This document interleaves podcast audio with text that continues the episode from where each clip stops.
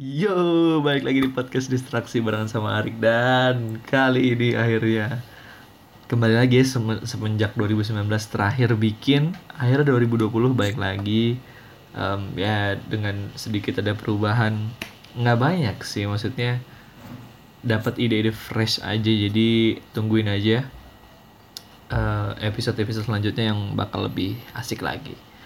So, untuk hari ini eh para kok kupingers wah di otak udah ngom- pengen ngomong kupingers nih. So, yeah. Soalnya bareng sama- sama Gani ya kalian di judul udah lihat juga di cover udah lihat ada nama Gani di sana. Kita bakalan bahas what the hell. Yakin masih mau makan daging. Wah, keren. Gila, keren banget sih. jadi Mantap, mantap, mantap. Em, langsung aja nih ada Gani Minto S. Yo i. Eh, halo. Distraxer. Ya, anjir, distraxer. bisa bikin nama-nama pendengar. Distraksi mania. Mantap. Oh, bukan. Iya. Eh, My distraksi. my adventure. Gimana, gimana? Saya Gani, saya dari Do Frame Podcast. Oke. Sama aja. Nggak usah ngewakilin dulu frame dari dulu. Oh iya, dari kalam Melanda yang sudah tutup tidak akan berlanjut. Ya, oke kan. Em, eh, Hmm. Ya kalian udah bertahu lah ya nih. Ini sama Gani partner di dua frame dan eh ya jelas banget kita bakal bahas tentang nutrisi, gizi gitu kan. New voice, yoi, keren. Gila, ki- tidak Enggak, dong. enggak, enggak. Tidak ada nutrition voice dong.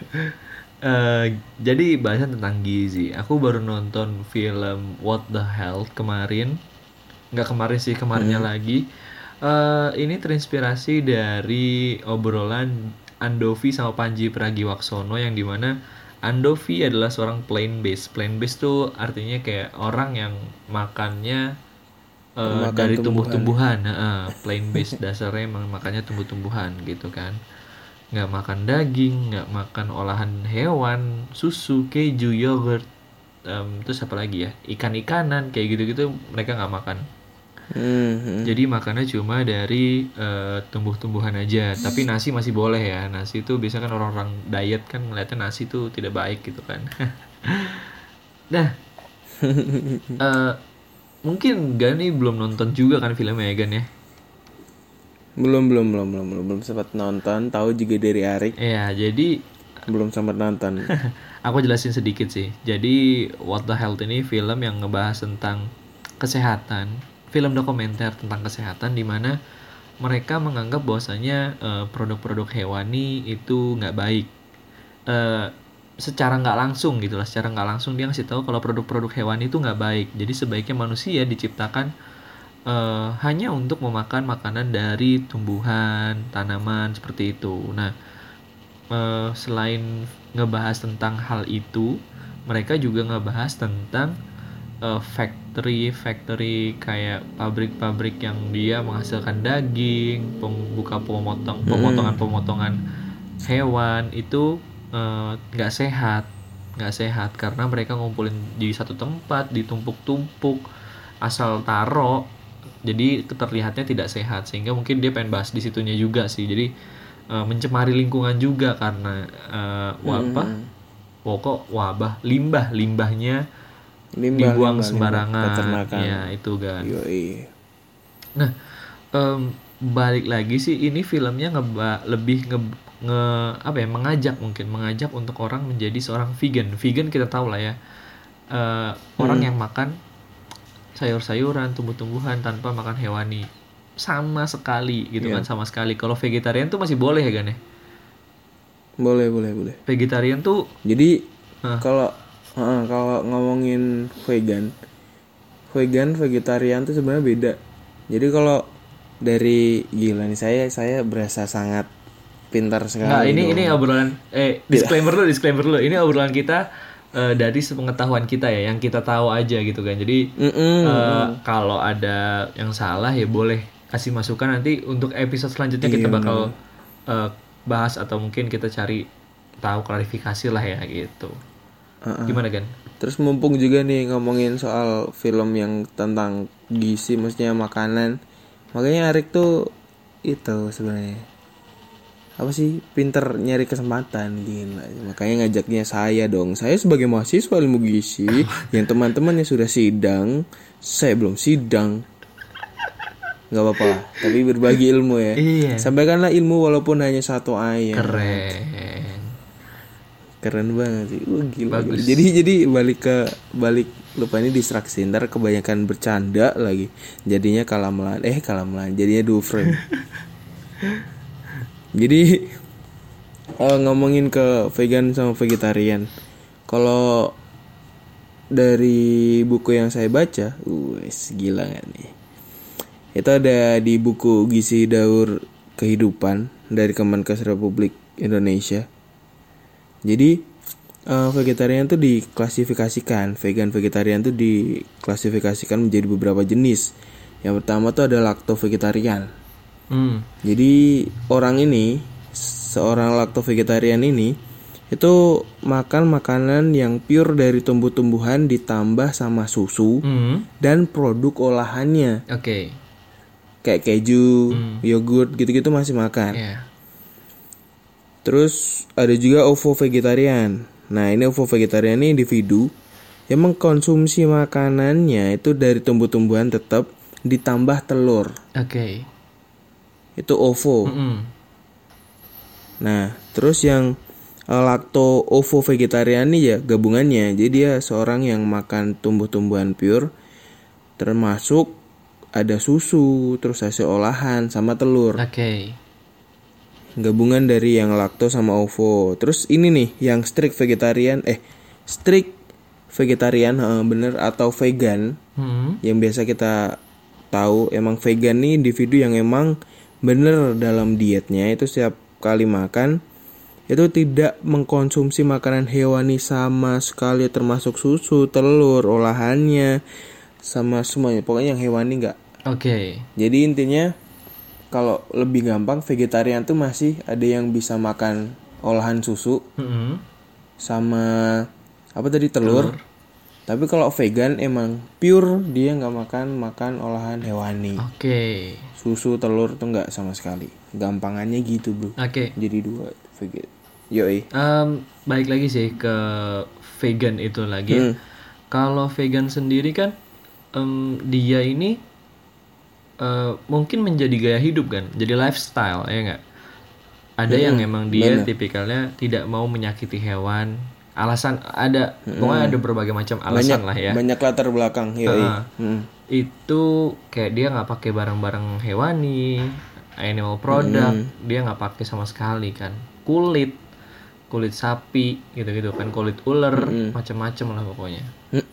Iya dong. Em, aku ngeliat di film itu seolah-olah vegan itu dianggap Mm-mm. eh, adalah sebuah pola hidup yang eh, sebenarnya harus dilakukan oleh manusia. Jadi mereka menganggap di film ini ya, ini kita bahas film ya, bukan kita ngebahas semua orang vegan ya, kita ngebahas filmnya aja. Itu dia bilang kalau eh, penyakit diabetes, diabetes, dia kayak ngomong di film ya. Dia- diabetes, diabetes Iya, iya, dong. diabetes, eh, kanker, terus ada Cancer gila nggak tuh? di bahasa Inggrisin lagi. terus ada Alzheimer, terus ada eh, macam-macam deh disebutin berbagai macam penyakit yang biasanya membahayakan atau bisa mematikan gitu kan. Hmm. Eh, itu penyebabnya adalah dari produk hewani yang di mana yang aku tangkap ya karena emang bahasanya ilmiah banget dan bahasa kesehatan banget. Eh, Di film itu kalau gula itu tertumpuk gara-gara ada lemak-lemak yang nempel di tubuh sehingga jadi diabetes. Nah, itu gimana kan? Apakah benar seperti itu? Maksudnya gula tetap menjadi penyebabnya cuma eh, penyebab yang sepertinya paling utama adalah gara-gara produk hewani ini. Itu gimana kan? Jadi gini coy, kalau ngomongin diabetes orang awam kan taunya bukan orang awam, maksudnya kita kebanyakan besar. Iya. Kita tuh tahu diabetes ya karena gula darah tuh banyak, Iya. ya nggak? Iya. Banyak penumpukan gula darah. Hmm. Padahal diabetes tuh ada banyak tingkatannya, tipenya banyak banget sumpel. Sumpel. Jadi eh, diabetes tuh banyak tipenya tipe 1 2 3 4 Oke.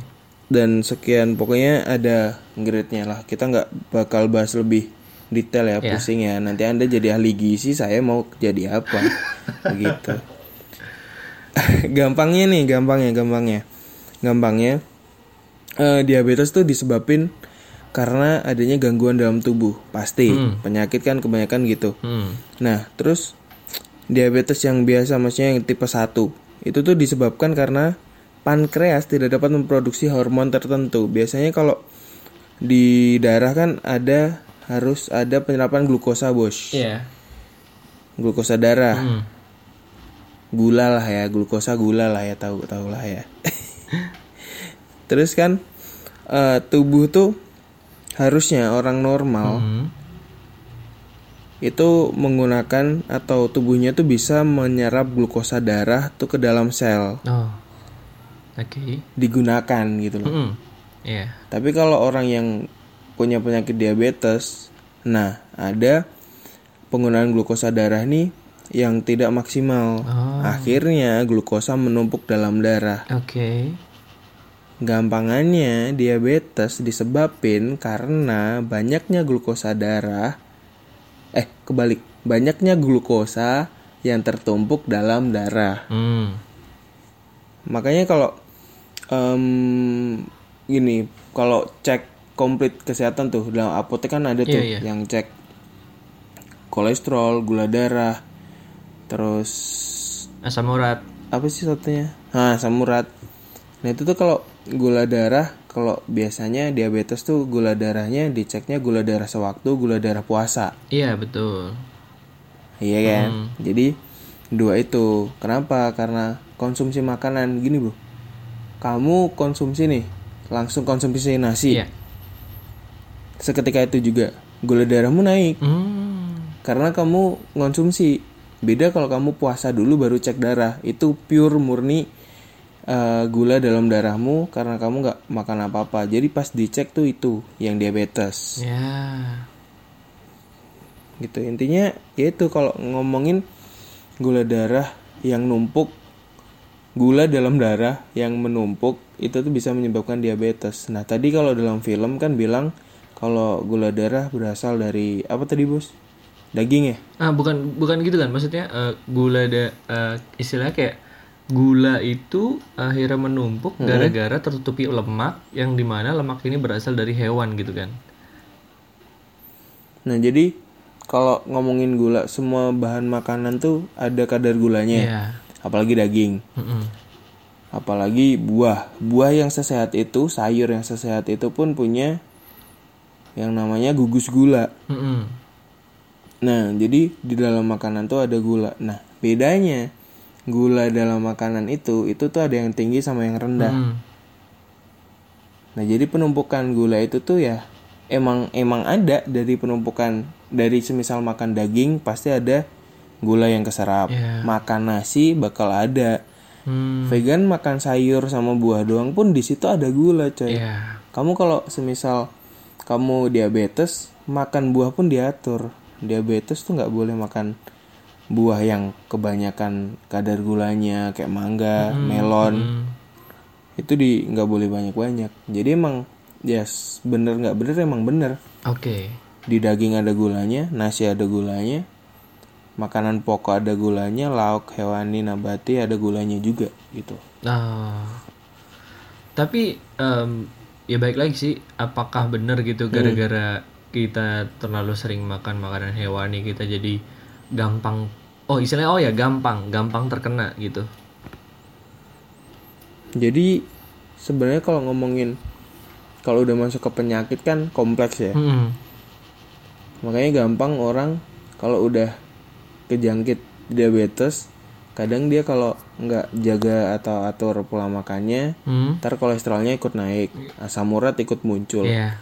Terus mungkin dia ada jantung, gangguan segala macem. Nah itu karena ada harus ada diet yang dipatuhin. Oke. Jadi kalau dia em, tadi penyebabnya hanya karena kita kebanyakan makan makanan hewani atau kita keseringan makan makan hewani, nggak juga sebenarnya. Hmm. Kalau menurutku loh ya Iya, iya. dari apa yang pernah dibaca sama sepengetahuanku, Hmm. Itu karena emang semua makanan ada kadar gulanya. Yang beda tuh tinggi sama rendah. Ya. Bisa diserap dengan cepat atau bisa mengendap lebih banyak. Oke. Gitu. Oke ya ya ya paham paham. Eh Yoi. Gila, berat, mantap. so- sorry sorry. sorry. Semoga tidak bingung ya. Semoga tidak bingung. Yang denger semoga tidak ti- tidak bingung. Iya, iya. Karena saya biasanya cuman bercanda. gitu. Ya, tapi gak apa, eh, wawasan aja, wawasan aja. Jadi Hmm. setiap di setiap makanan apa pun itu ada gulanya dan itu beda-beda kadar gulanya ya kan. Yoi. Eh ada keresahan lagi dari film itu sih kayak eh, kesannya itu produk hewani itu nggak baik buat tubuh kan. Apa benar seperti itu kan? Jadi kesannya kayak ah ya udah kita makannya emang harusnya dari tanaman aja. Terus ada oh yang lucu bu- oh sorry aku nggak mau bilang lucu sih. Ada yang menarik, menarik dan unik adalah eh Ayo hati-hati salah ngomong. Iya. Eh, yang menarik adalah ketika kayak ngeliat, aku tuh pas ngontor itu, oh bener juga ya, gitu kayak, oh wah menarik nih gitu kayak bikin wah gitu loh adalah ketika ada seorang yang nge-gym, nah kita tahu kan protein tuh bisa dari daging, telur gitu kan ya, maksudnya pak Yup. terkesannya paling besar tuh dari sana sumbernya. Em, dia bilang gini, kita bisa lihat nih kita eh, badannya gede kayak gini gara-gara makan sayuran gitu dia bilang gitu kan. Coba aja kita lihat ada kingkong, ada badak, ada macam-macam. Mereka makannya sayuran. Itu eh, itu das- a- asalnya dari tanaman. Makanya dia bisa gede kayak gitu karena mereka makannya tanaman. Terus aku juga bisa karena aku, aku juga makan makanan. Eh makan makan tanaman gitu loh, dari yang, yang dari tanaman, dari tumbuh-tumbuhan gitu. Dan ya baik lagi apakah sejahat itu makan makanan hewani gitu kan. Sebenarnya enggak sih. Hmm. Gini aja deh, gampangannya. Gampangannya kita berpacu sama em, pedoman gizi seimbang dari Kemenkes RI. Kita di Indonesia. Mm-mm. Kita harus pakai pedoman dari Kemenkes RI kan. Mm-mm. Jadi kalau eh, mungkin masih banyak yang belum tahu kalau lima sehat eh empat sehat lima sempurna udah bukan semboyan atau pedoman gizi. Iya. Jadi sekarang tuh di Indonesia kan pakainya gizi seimbang. Pedoman gizi seimbang. Oke. Jadi di situ tuh di situ anjurannya ada makanan pokok Mm-mm. pasti, ada sayur di situ. Mm-mm. Ada protein nabati. Hmm. Lauk pauk kan protein nabati sama hewani. Iya. Terus sama buah. Oke. Nah, di situ tuh kan otomatis ada anjuran di mana kita harus makan protein hewani. Iya. Nah, protein hewani itu emang penting, Bro. Oh. Oke. Orang kita dia di dianjurin gitu loh maksudnya. Otomatis kalau dan itu sebagai pedoman gizi seimbang. Makanan kita tiga kali sehari. Betul. Sebenarnya kita makan dua kali sehari pun tidak mati ya, tidak meninggal. Tapi kebiasaan orang Indonesia makan tiga kali sehari ini oke-oke aja sih sebenarnya. Iya. Dan itu pun dianjurkan makan lauk hewani nabati diimbangi sayur sama makanan pokok dan itu sehari tiga kali bahkan sampai tiga kali. Hmm. Berarti nggak mungkin berbahaya dong ya. Iya. Yang berbahaya itu kalau kita makan hewani tapi berlebihan. Oh ya. Apalagi habis Idul Adha, hmm, mantap sekali Anda Daging ya. menghabiskan kambing, yoi. Dan kalau ngomongin em, dari film tadi yang semua berawal, semua berawal lagi, semua bersumber dari yang hewani-hewani, semua penyakit berasal dari hewani-hewani. Sebenarnya enggak. Hmm. Menurut saya, menurut saya gila sih kayak diwawancara banget. Gak apa-apa, sumpah. gak apa. Jadi menurut aku nih, menurut aku tuh makanan hewani bukan sebagai eh, pokok permasalahan utama sih, Hmm. tapi sebagai pemicu iya. Oke. Sebenarnya makanan tuh apalagi hewani gampang memicu kalau emang bener-bener kita cuman makan itu, Oke. nggak ada variasi dan tidak ada em, praktek dari pedoman gizi seimbang tadi. Iya. nggak ada sayur kita makan gini contohnya gampang jadi kita makan daging aja nih Mm-mm. tanpa sayur satu hari full Ya. tanpa ada sayur di situ men kita buang air besar keluarnya susah coy Nah. mana lebih bau dari biasanya Oh ya. Heeh. Jadi apa yang dikeluarin dalam tubuh itu tuh bisa menjadi identifikasi tubuh tuh kenapa gitu. Hmm, hmm, ya, ya. Jadi kalau semisal ada sayur di situ, otomatis BAB lancar, serat terpenuhi dan jaringan lemak dalam daging yang kita konsumsi gampang pecahnya. Oke. Apalagi kalau kita ada pola hidup sehat, ada olahraga. Wah, ini olahraga ini Ya. paling penting sih. Semua makanan gampang pecahnya. Kayak tadi diabetes. Diabetes tuh kalau semisal mau mecah gulanya, Hmm. itu bisa dibakar sama aktivitas fisik Ah, dietnya ya. iya. Aktivitas fisik rutin. Makanya orang-orang kalau semisal ada nih, semisal ada orang yang terjangkit diabetes, tapi dia lemes, kurus, kering. Hmm. Sama ada orang diabetes yang dia jaga pola makan tapi aktivitasnya masih sehat, masih kayak orang bugar padahal dia diabetes. Oke. Nah, itu ada di pengaturan makan, pengaturan pokoknya diet dietnya. Oke, dietnya. Jadi kalau hewani tadi ya, balik lagi hewani bukan bukan bukan apa ya, Bro? Bukan sumber utama lah Ya, sumber ut- dari setiap penyakit yang kayak tadi disebutin di film. Tapi pengolahan juga berpengaruh. Nah, itu dia. Oke. Ya, ya, ya. Eh, sebelum ke sana, Mm-mm. kita ngasih tahu dulu sih, diet itu adalah pola makan ya. Diet itu bukan ngurangin makan, tapi diet itu adalah pola makan. Yes, jadi orang banyak salah kaprah sih, maksudnya dari dulu. Heeh. Em, kamu itu ya makan makan dikit amat diet ya. Emang lagi diet, maksudnya diet lagi makan. Iya. Emang lagi jaga pola. Jadi diet tuh bukan mengurangi porsi makannya, tapi diet itu sebagai jaga pola makan. Ya, Pola makan ya Anda pola makannya banyak, yaitu diet Anda. nah benar. Diet saya dikit ya gitu-gitu. Pokoknya diet tuh bukan bukan kayak yang dipikirkan selama ini lah ya. Oke, Kita lurusin itu dulu. Mm-mm. ya termasuk vegan, vegetarian, Mm, keto, itu diet, itu pola makan. Ya, ya itu termasuk pola makan ya, pola makan vegan kayak gitu. Nah, eh, balik lagi ke pemprosesannya. Di film itu juga ngejelasin kan tadi yang aku bilang kalau eh, istilahnya proses pemotongan, proses pemeliharaan hewan-hewan di U- itu di USA ya, jadi di Amerika Serikat eh, penelitiannya dilakuin gitu. Film dokumenter itu dibuat di Amerika Serikat. Jadi memang di sana tidak terolah dengan baik gitu kan. Tapi kau pernah nggak sih kan eh, mungkin terjun ke lapangan ngelihat kayak peternakan atau apa di Indonesia tempat pemotongan apakah Indonesia nih sepertinya sudah oke lah istilah not bad gitu oke gitu Hmm. Jadi em, dulu sih kalau ternak yang ke peternakan, aku dulu ke yang ayam, oke peternakan ayam. Jadi kalau semisal em, peternak di Indonesia tuh biasanya ada wilayah sih bro, Iya. namanya wilayah, wi- wi- wilayah lagi, wilayah.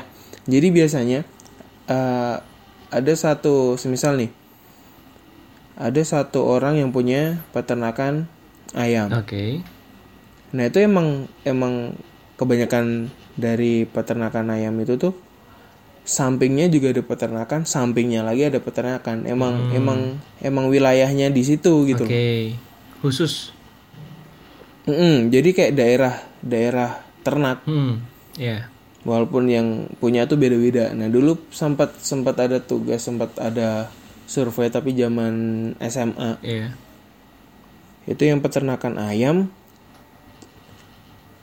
emang maksudnya em udah udah terstruktur dengan bagus sih rapi Mm-mm. maksudnya eh, ayam umur segini itu ada kandang sendiri maksudnya umur segini ada kandang sendiri oh dipilah-pilah terus diklasifikasi ada ya? vitamin yoi. Terus kan ada tuh kalau anak peternakan mungkin tahu ya. Hmm. atau orang-orang yang ahli dalam berternak.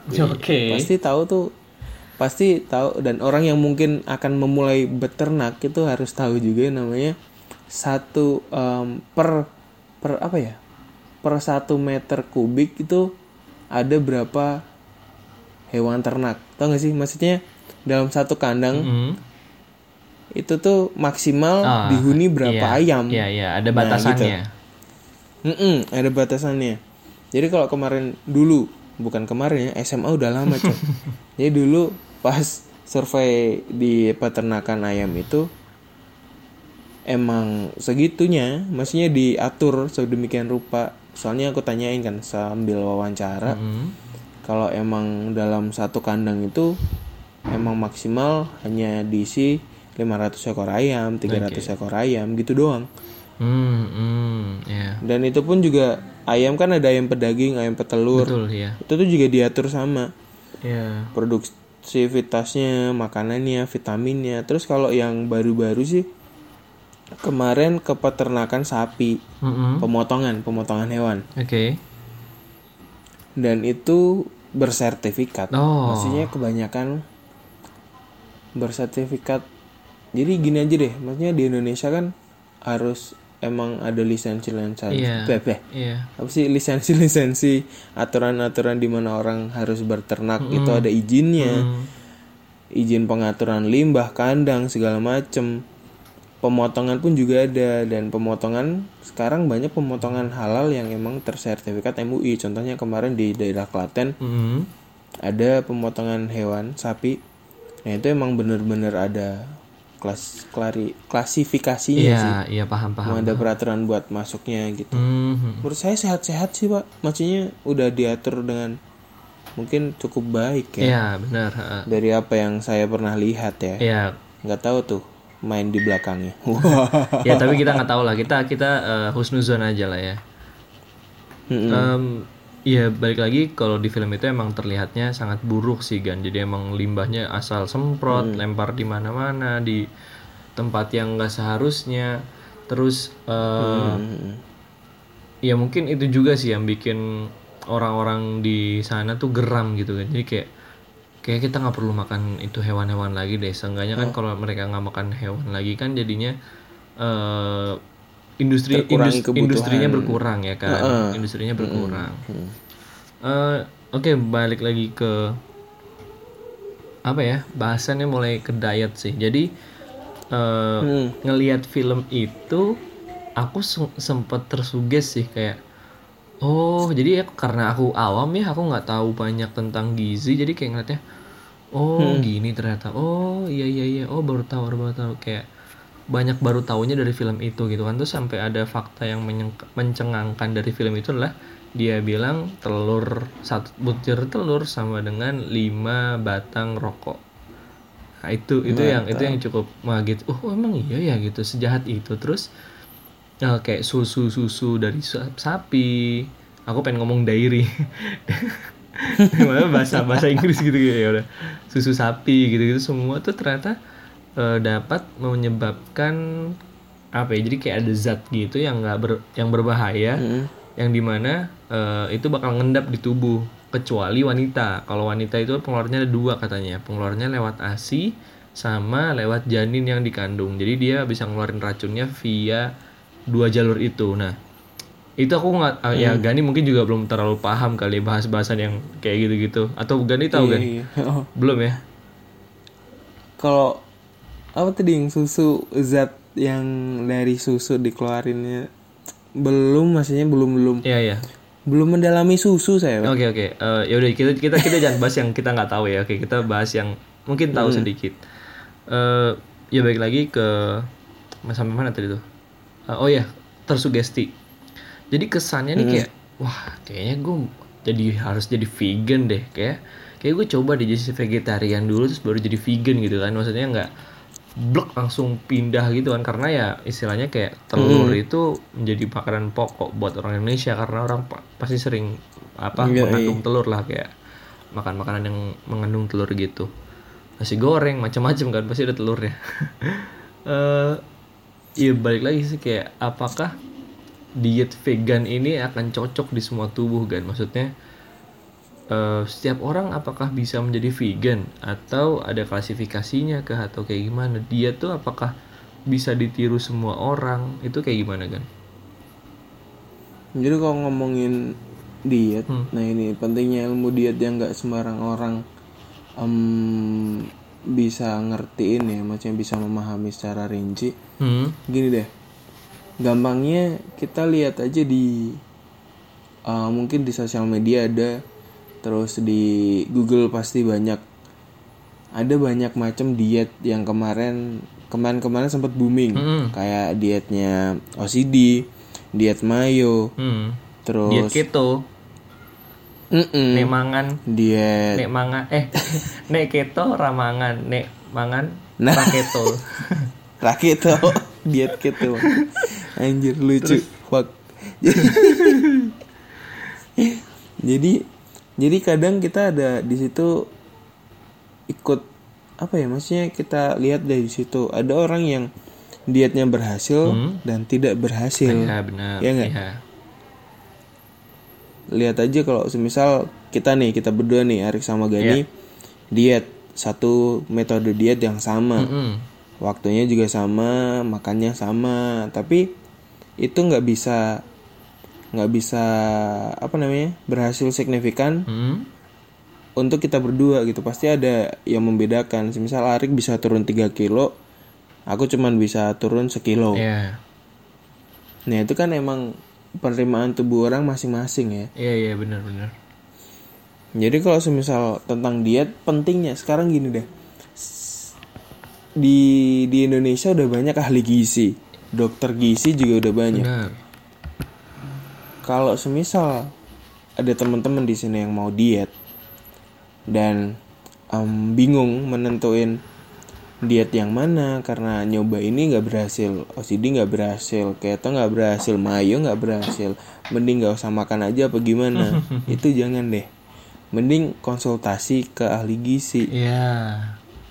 Soalnya ahli gizi sekarang tuh gimana ya orang-orang tuh kayak nganggep eh, di tenaga kesehatan tengah tenaga medis tuh yang bisa dikonsulin tuh cuma dokter fisioterapi udah dua itu fisioterapi kalau tulang lu pecah eh pecah apa patah Ya.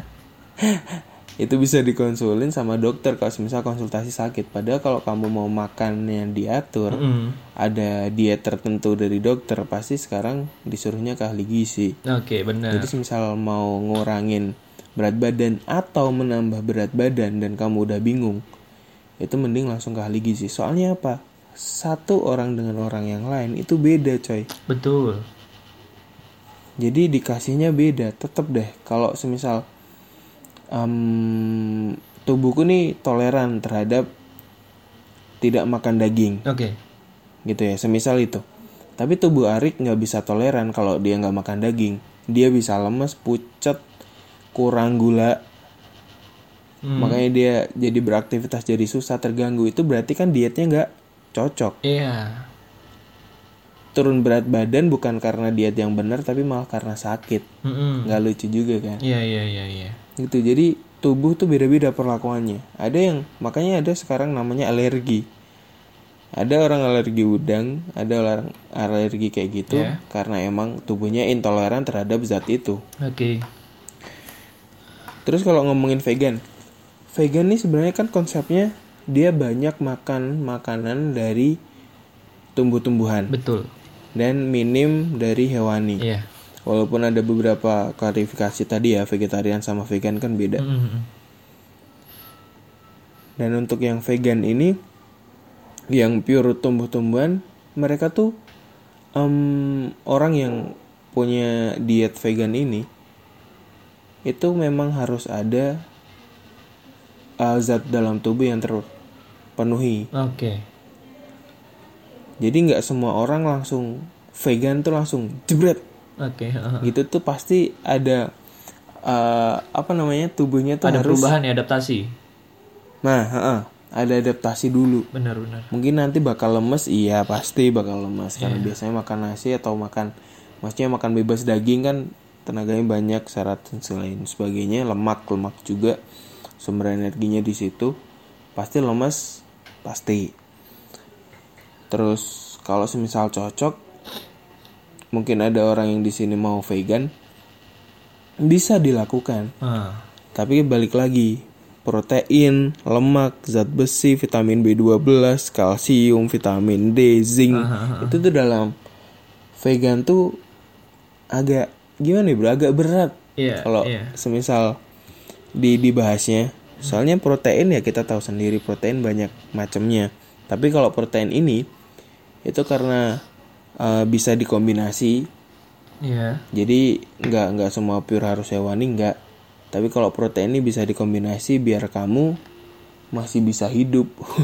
Oke. masih bisa sehat Ya, ya, lah. ya, ya. Maksudnya konsumsi tubuhnya masih bisa oke gitu loh. Oke iya. Ah. Semisal nih di sini juga ada semisal ada teman-teman yang emang benar mau nyoba vegan pun di dalam buku Daur Kehidupan juga di sini disebutin ada beberapa contoh Oke. Kombinasi protein terbaik tuh kayak ada padi-padian, kacang-kacangan, terus padi eh, terus biji-bijian sama kacang-kacangan, padi-padian dengan susu untuk yang vegetarian ya yang masih mau minum susu. Ah. Jadi emang emang gini kalau mau vegan pahami dulu konsepnya. Oke. Kok lebih baik konsultasi dulu sama yang ahlinya, ke ahli gizi. Ah. Semisal biasanya gini ahli gizi tuh biasanya kayak kalau kamu periksa ke dokter kan ada diagnosis dulu. Betul. Jadi ahli gizi bakal mendiagnosis apakah tubuh kamu bisa cocok dan apakah tekad kamu sebulat itu untuk menjadi vegetarian Ya. ataukah tekad kamu hanya sebatas Pengen aja. mau mencoba. Mm-mm. Itu pasti ada di situ. Hmm. Soalnya emang uh, merubah kebiasaan uh, konsumsi makan ya, kebiasaan diet, tubuh tuh juga bakal terpengaruh dan pasti signifikan, Bro. Iya. Pasti itu, pasti pasti. Jadi langsung dirasain dan mungkin langsung ah pokoknya langsung menyerah pun bisa gitu loh orang diet kan banyak tuh Iya iya iya. yang gagal terus menyerah. Terus kalau ngomongin vegan lagi, vegan di sini kan hanya berasal dari tumbuh-tumbuhan. Walaupun di tumbuh-tumbuhan tuh ada yang namanya bukan yang namanya ada yang jenisnya Heeh. bisa ngasilin lemak. Oh. Kayak di situ ada alpukat, Oh ya. itu kan Iya benar. ada kadar lemaknya. Yoi.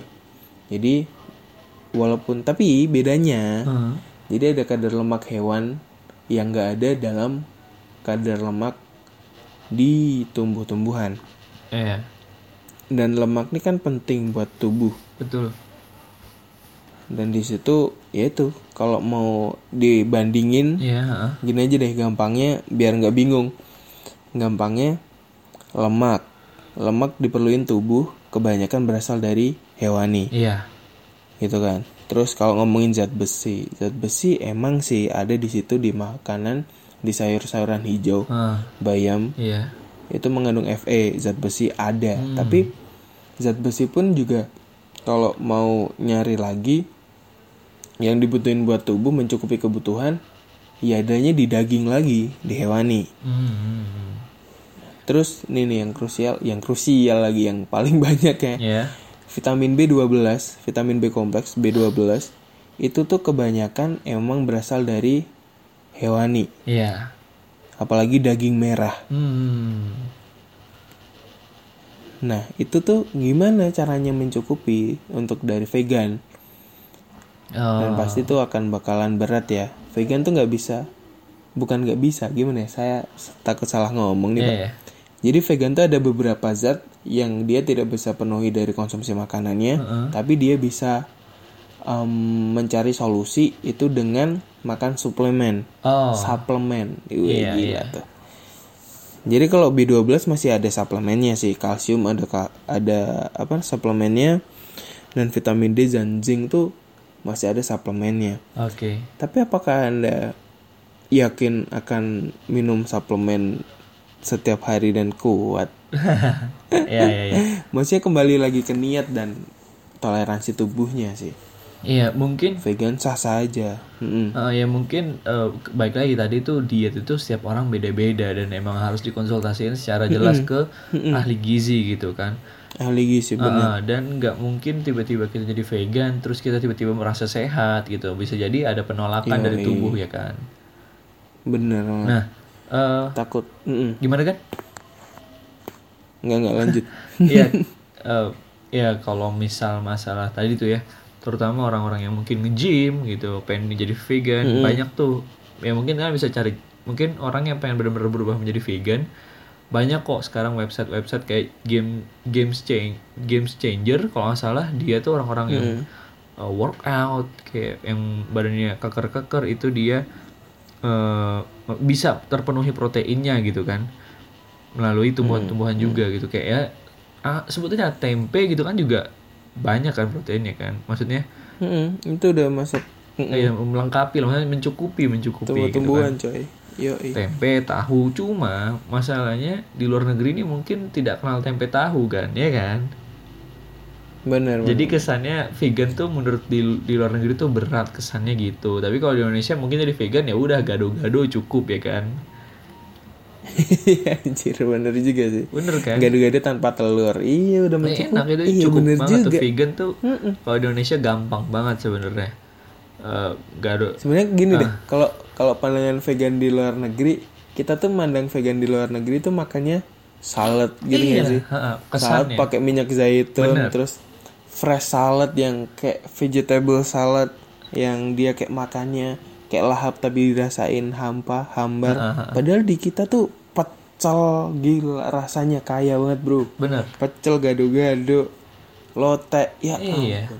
tahu gejrot. Waduh itu vegan loh. Sangat sangat gampang untuk menjadi vegan di Indonesia gitu kan. Yoi yoi. Bener. Sangat memfasilitasi. Itu sampai luar negeri itu aku lihat di video oh sorry oh ya ada di videonya kayak eh, bikin burrito dari eh burrito vegan gitu-gitu loh. Kayak dia bikin ya banyak lah sekarang di Indonesia juga ada kok dag apa eh, yang produksi daging palsu istilahnya. Kayak itu dagingnya Hmm, vegan. Yang dari- dagingnya vegan. jamur gitu tahu tahu Bener. Iya balik lagi sih kayak em, dia tuh setiap orang beda-beda dan emang harus ke ahli gizi dan asal jangan as- jangan asal comot. Nyoba boleh kali ya gini kalau pengen coba. nyoba boleh boleh. Maksudnya biar tahu buat evaluasi ke depannya. Maksudnya kamu mau jadi vegan nih pasti kan di googling banyak banget Heeh. em, yang apa namanya Eh, tipe-tipe dietnya pengaturan Iya. diet makan buat vegannya Iya. itu mungkin bisa dicoba tapi ya lihat sendiri maksudnya resikonya ditanggung sendiri bro maksudnya jangan memaksakan Oke, eh, maksudnya ketika ada kendala mungkin udah saatnya lu ke ahli gizi lah maksudnya gitu ya. Mm-mm. Mm-mm. Nah, em, ngomongin tentang diet emang karena film itu juga aku mulai eh, ya makannya mulai diatur sih kayak biasanya kan asal comot gitu kayak Gila. ambil aja ada ada bro. tempe goreng di meja ada tahu goreng ah apa nih lapar makan Langsung, makan makan wah, gitu kan jadi iya langsung dicemilin gitu kan nah se- sampai akhirnya aku nemu si Dr. Mike Dr. Mike ini dia ngereaksi tentang what the health ini seperti apa. Terus karena kepanjangan videonya satu jam aku nggak sanggup. Nggak ada subtitle juga gitu subtitle bahasa Inggris atau Indonesia dia nggak ada. Jadi ya bingung juga terutama buat aku yang tidak hebat bahasa Inggrisnya. Jadi di video itu dia juga punya beberapa eh, kayak apa ya istilahnya eh, kategori. Kategori yang ngebahas tentang nutrisi. Akhirnya dia ngebahas sehari itu dokter makan apa sih? Sehari harinya dia tuh makan apa? Terus dia nyoba 30 hari ah sorry eh, seminggu atau 30 hari gitu. Dia jadi vegan dia nyoba diet keto. Jadi emang dia nyobain dan dia ngasih tahu efeknya Nyobain di tubuh semuanya. dia tuh seperti apa gitu. Dia selalu bilang Mm-mm. Eh, mungkin Keren setiap sih. orang beda-beda efeknya tapi yang gua rasain tuh kayak gini gitu. Jadi di setiap video dia nyobain dia tuh ngomong gitu di akhir videonya. Em, Mm-mm. Di video itu juga dia ngasih tahu aplikasi kan namanya Live Zoom tahu nggak? Live? Live Zoom. L Live hidup Zoom S U M. Heeh. belum belum belum tahu belum Eh, dia ngasih apa aplikasi live zoom yang aku download juga di HP. Jadi eh, dia ada fitur di mana penghitungan kalori kan di setiap makanan. Oh, Jadi kita gitu. makan apa dihitung kalorinya. Tapi karena aku ikutin program yang lost weight nurunin berat badan, dia Hmm. ngasih eh, treatment satu hari cuma boleh makan sekitar 20 ribuan eh sorry 20 ribu gede banget 2000 kalori terus ada proteinnya juga berapa carb carbs carbs lagi karbohidrat berapa gulanya berapa eh bukan gula sorry Lemak. lemak lemaknya berapa nah eh, ngomongin kalori apakah cukup kan untuk satu hari tuh sekitar 2000-an Normal, Bro. aku sambil buka aplikasinya coba gimana jelasin Iya, normal, Bro. normal ya Perhitungan gini deh, perhitungan kalori orang dewasa Heeh. itu tuh eh, normalnya ya emang 2000-an. oke Ada yang 2200, 2400. Ah, Ada yang emang dia kebutuhannya banyak. Hmm. Kebutuhan tuh gini deh, ada cara, ada rumus. Cara em, biar tahu saya tuh sehari kebutuhannya berapa. Tar lu, tar lu, sebelum sebelum dijelasin, Hmm. ini rahasia pabrik kau bukan? Kalau enggak sih, Nggak ya, enggak, nggak sih. ya? Di googling juga Oh, banyak. oke, oke. Apa-apa. Sebar ilmu aja, Bos. Orang kan kadang nggak ada waktu ke ahli gizi nih. Oke. Jadi bisa ngitung sendiri. Enggak dong, kebutuhan gak usah ngitung Tapi sendiri, tidak- ngechat Gani aja, DM. bisa.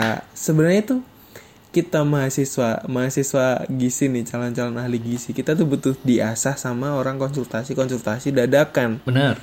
biar ilmunya terpakai biar saya juga tidak lupa dong jadi kalau ngomongin tadi ya balik ke perhitungan kebutuhan kalori per hari Iya. jadi kebutuhan kalori dari beberapa orang dari beberapa orang lagi dari masing-masing individu tuh pasti beda-beda Bener. dalam satu rumus itu itu tuh di dalamnya ada uh, berat badan ideal terus di dalamnya ada kebutuhan basalnya ada kebutuhan aktivitas fisiknya Oke. yang harus dipenuhi berapa Iya. apakah dia sakit atau tidak juga di situ ada dijelasin Heeh. jadi emang dalam rumusnya itu kompleks jadi emang bener-bener kalau semisal mau diet emang kita harus tahu tubuh kita tuh kondisinya kayak apa Oke. rumusnya juga tahu kalau semisal orang Indonesia emang segitu normalnya 2000 2200 2100 2400 Heeh. bisa lebih bisa kurang Iya, tergantung orangnya Iya. tergantung aktivitas fisik yang dipenuhinya Oke. banyak sekarang aplikasi yang emang di gampang di download Iya. gampang dipakai juga coy terus kadang orang tuh suka kepo kan maksudnya bagus sih sebenarnya kepo apa yang dia makan satu hari ini tuh sebenarnya berapa kalori sih gitu kan terus em, produk ini tuh berapa kalori sih? Bahan makanan ini berapa kalori? Nah itu tuh gampang banget sekarang informasinya di web juga. Banyak, banyak. Nutri Secret banyak. Heeh. terus bisa tapi tidak bisa anda mengecek itu di Secreto. Iya. Aduh. lucu lucu. Masih bisa ngelucu sedikit walaupun tidak lucu. Jadi jadi kalau misal mau ngitungin kebutuhannya ya itu. Nah, sekarang eh, kalau semisal ini ada teman-teman yang semisal mau searching nih hmm. buktiin kan rumus perhitungan kebutuhan kalori per hari pasti muncul tapi apakah anda paham cara menghitungnya Nah. Gitu jadi makanya saya kasih tahu aja di dalamnya tuh ada berat badan ideal umur terus Iya. gini laki-laki sama perempuan aja beda bro Bener. umur beda usia tuh juga beda juga kebutuhannya. Orang hamil orang biasa lansia itu beda semua. Iya. kebutuhannya bayi remaja anak-anak itu beda. Heeh. jadi emang gitu. Tapi semisal ada program kayak anda tadi kan ada lost weight ya? Nurunin berat badan. jadi program pengurangan berat badan itu bisa diatur. Hmm. jadi semisal normalnya anda 2000 berapa 2200 Di- tadi di 2000-an sini ya. kalau di apa kalau di aplikasi saya sih dikasih saya cuma dikasih 2115. Mm, 2115 Rim, 15 lagi 15 itu emang udah kurang sih saya aja 2500 2800 kalau saya nggak ngatur pola makan maksudnya kebutuhan dari pure tubuh saya nggak ada lost weight 2800 coy Hmm. Berat kan? Banyak kan sebenarnya kebutuhan saya kalau saya nggak mau diet. Dan mungkin kalau emang lost weight-nya tergantung berapa yang diinginkan kalau di hari kan bisa 2100 itu emang udah dikurangin sih. Menurutku kalau aku lihat postur tubuh Arik umur dan berat badan yang sekarang ya. Yoi. jadi em apa tadi sampai lupa kan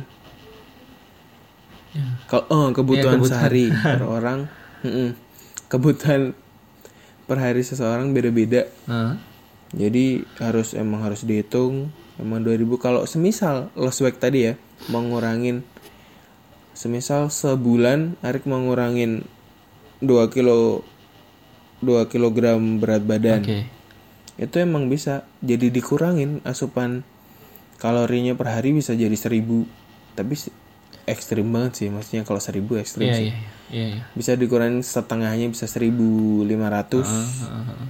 itu pun gini deh kita kita masuk saya sendiri sih pengalaman pribadi saya Hmm. jadi saya masuk ke gizi di dalam gizi ini ada beberapa ilmu ilmu ilmu ilmu kita belajar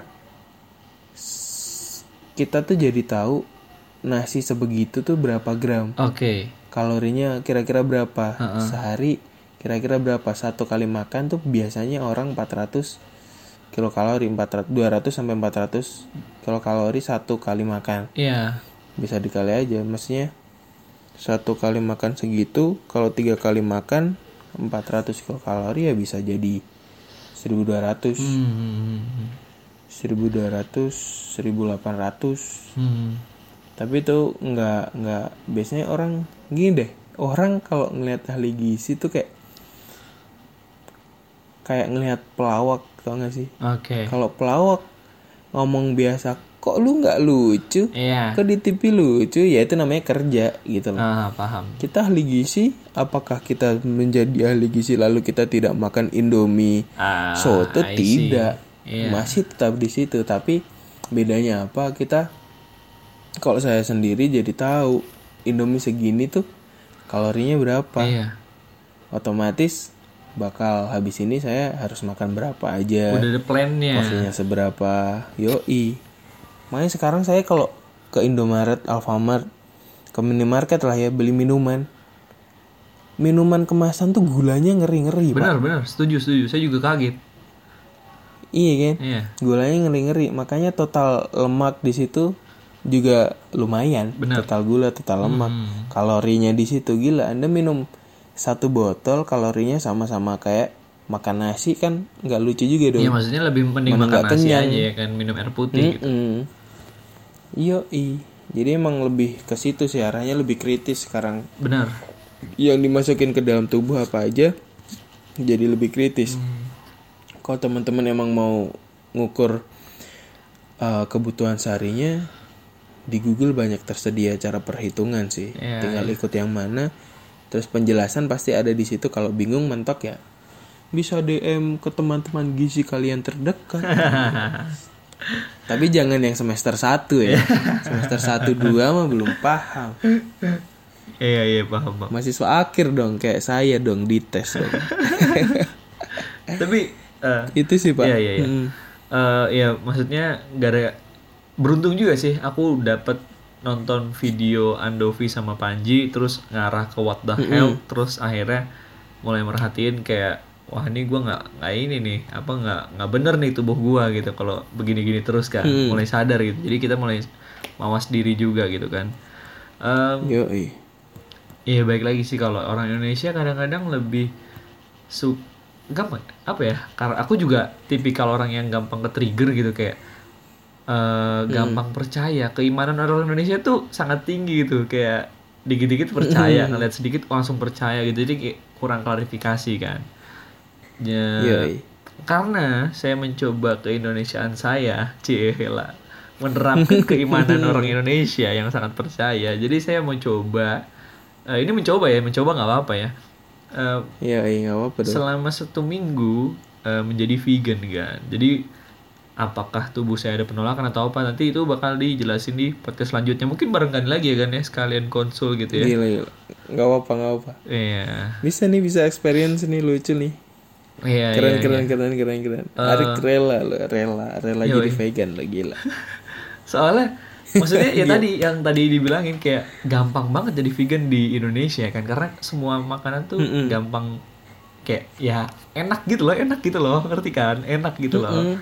Tempe goreng sama nasi sama kecap enak sekali Iya, enak gue, enak banget lah. Eh, ya mungkin itu sih ya yang buat episode ini bisa didapat ya. Cuma segitu aja dulu karena kalau terlalu jauh mungkin bayar sama Gani ini mumpung gratis nih. Terus saya ngecas laptop dulu pak, habis. Aduh, oh iya tadi kita kita bahasannya bayar. cuma sampai sini aja gitu nggak nggak sampai banyak banget karena mungkin nanti kalau sama Gani selanjutnya tuh bakal bayar gitu kan. Kalau lebih banyak lebih dalam bakal bayar. Jadi eh, yang mau nanya-nanya tentang gizi mungkin bisa ya Gan ya sama Gani ya. Bisa, bisa banget. Saya butuh refresh otak pak. Benar. Sumpah PKL saya mundur. Eh iya, refresh otak Gani juga nih buat teman-teman yang mau nanya-nanya penasaran atau tentang ya sesimpel nanya apa eh, BMI ya Gan ya. Boleh banget kan, boleh banget sama Gani. Boleh kebutuhan sehari-hari, basal metabolismenya berapa, oke lah. Iya. Em, Kalau mau diaturin dietnya juga bisa. uh, Yang penting tidak sakit ya. Catatannya itu, catatannya Anda tidak sakit dan minta diet ke saya itu boleh. Soalnya kalau semisal Anda sakit dan minta diet ke saya, saya harus bergelar ahli gizi dulu. ah, Kalau semisal Anda tidak sakit, Anda normal dan Anda ingin mencoba diet, mau dihitungin segala macam, itu kan atas persetujuan Anda sebagai saran saya sebagai teman. ah, Jadi iya. tidak apa-apa. Iya iya iya iya iya. Oke oke begitu, oke paham. begitu, paham. begitu. Jadi eh, kalau yang pengen konsul serius mungkin langsung sama ahli ahli gizi aja. ya. Tapi kalau sama Gani ya untuk nanya-nanya standar-standar basic-basic diet seperti Iya, apa. sehat-sehat aja lah ya. Heeh. Jangan yang sakit. Ya, dan em, mungkin eh apa ya? Aku mau nanya apa lagi? ya? Cukup deh kayaknya kan. Atau Gani ada yang mau disampaikan Gitu lagi ya. nggak tentang gizi atau atau stereotip tentang gizi yang mungkin kurang Mungkin kalau stereotip ya itu sih. Kalau semisal emang ada masalah dan keluhan, tidak semuanya tuh diselesaikan dengan obat, eh obat-obatan, apalagi obat-obatan pabrik dan kimia. eh Anda bisa sehat dengan cara mengatur pola makan dan pola aktivitas fisik.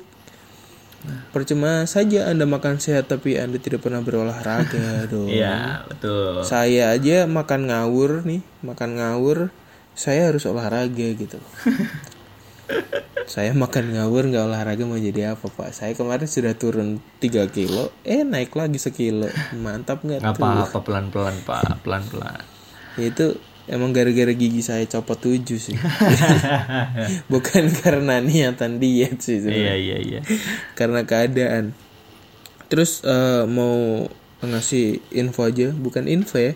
apa Mau ngasih em, eh, tips, bukan tips juga sih. Cara sehat, bukan cara sehat juga kalau dari buku sih namanya nasihat untuk individu yang ingin menerapkan diet vegetarian. oke Jadi semisal ada teman-teman yang emang udah niat mau diet vegan atau vegan vegetarian, jangan lupa nih yang pertama pasti harus konsul ke ahli gizi, hmm nggak boleh sembarangan. ya Soalnya vegan bro, anda biasanya makan ayam goreng KFC, sekarang makan bayam goreng, bayam goreng keripik tau gak Iya, sih? tahu, tahu, tahu, tahu. keripik Itu bayam enak aja.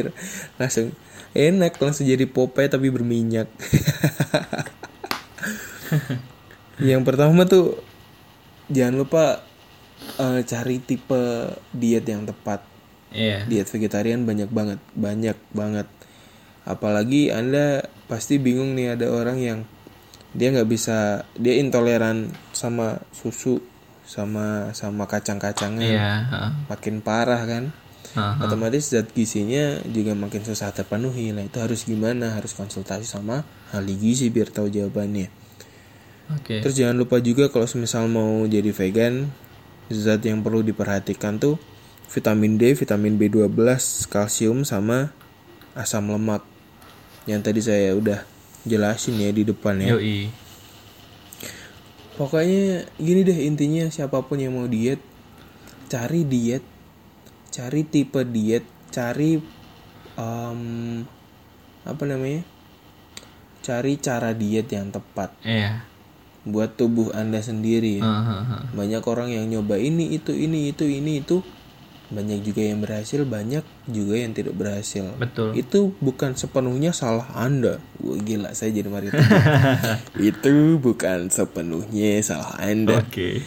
Itu bisa jadi yang namanya pola diet anda yang tidak tepat untuk tubuh anda. Jadi percaya deh saya dulu OCD tidak berhasil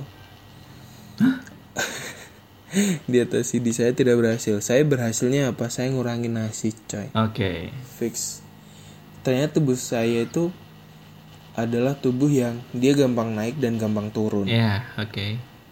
Salah satu penyebab tubuh saya gampang naik dan turun itu adalah konsumsi nasi. Ya oke oke.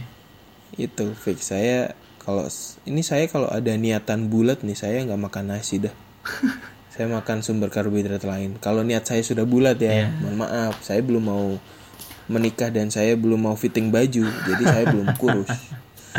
Tunggu nanti dong. Ya oke. Begitu. Pokoknya intinya itu sih bulatin niat cari tipe diet yang bagus dan yang benar nggak usah salah-salahan. Dan jangan terlalu ekstrim tuh pesan dari semua ahli gizi tuh kayaknya gitu deh. Ah setuju setuju. Jangan terlalu ekstrim. Kalau setiap mau melakukan apa pun yang berhubungan sama tubuh pola makan pola hidup jangan yang terlalu ekstrim. Oke. Udah bro cukup dari saya itu aja. Oke, menarik sekali dan ya tadi udah udah pernah tahu juga mungkin pendengar-pendengar podcast distraksi juga orang-orang yang umurnya sudah ya dewasa 17 atau mungkin sampai 30 dan ada sih kayaknya 35 ya ya, oke.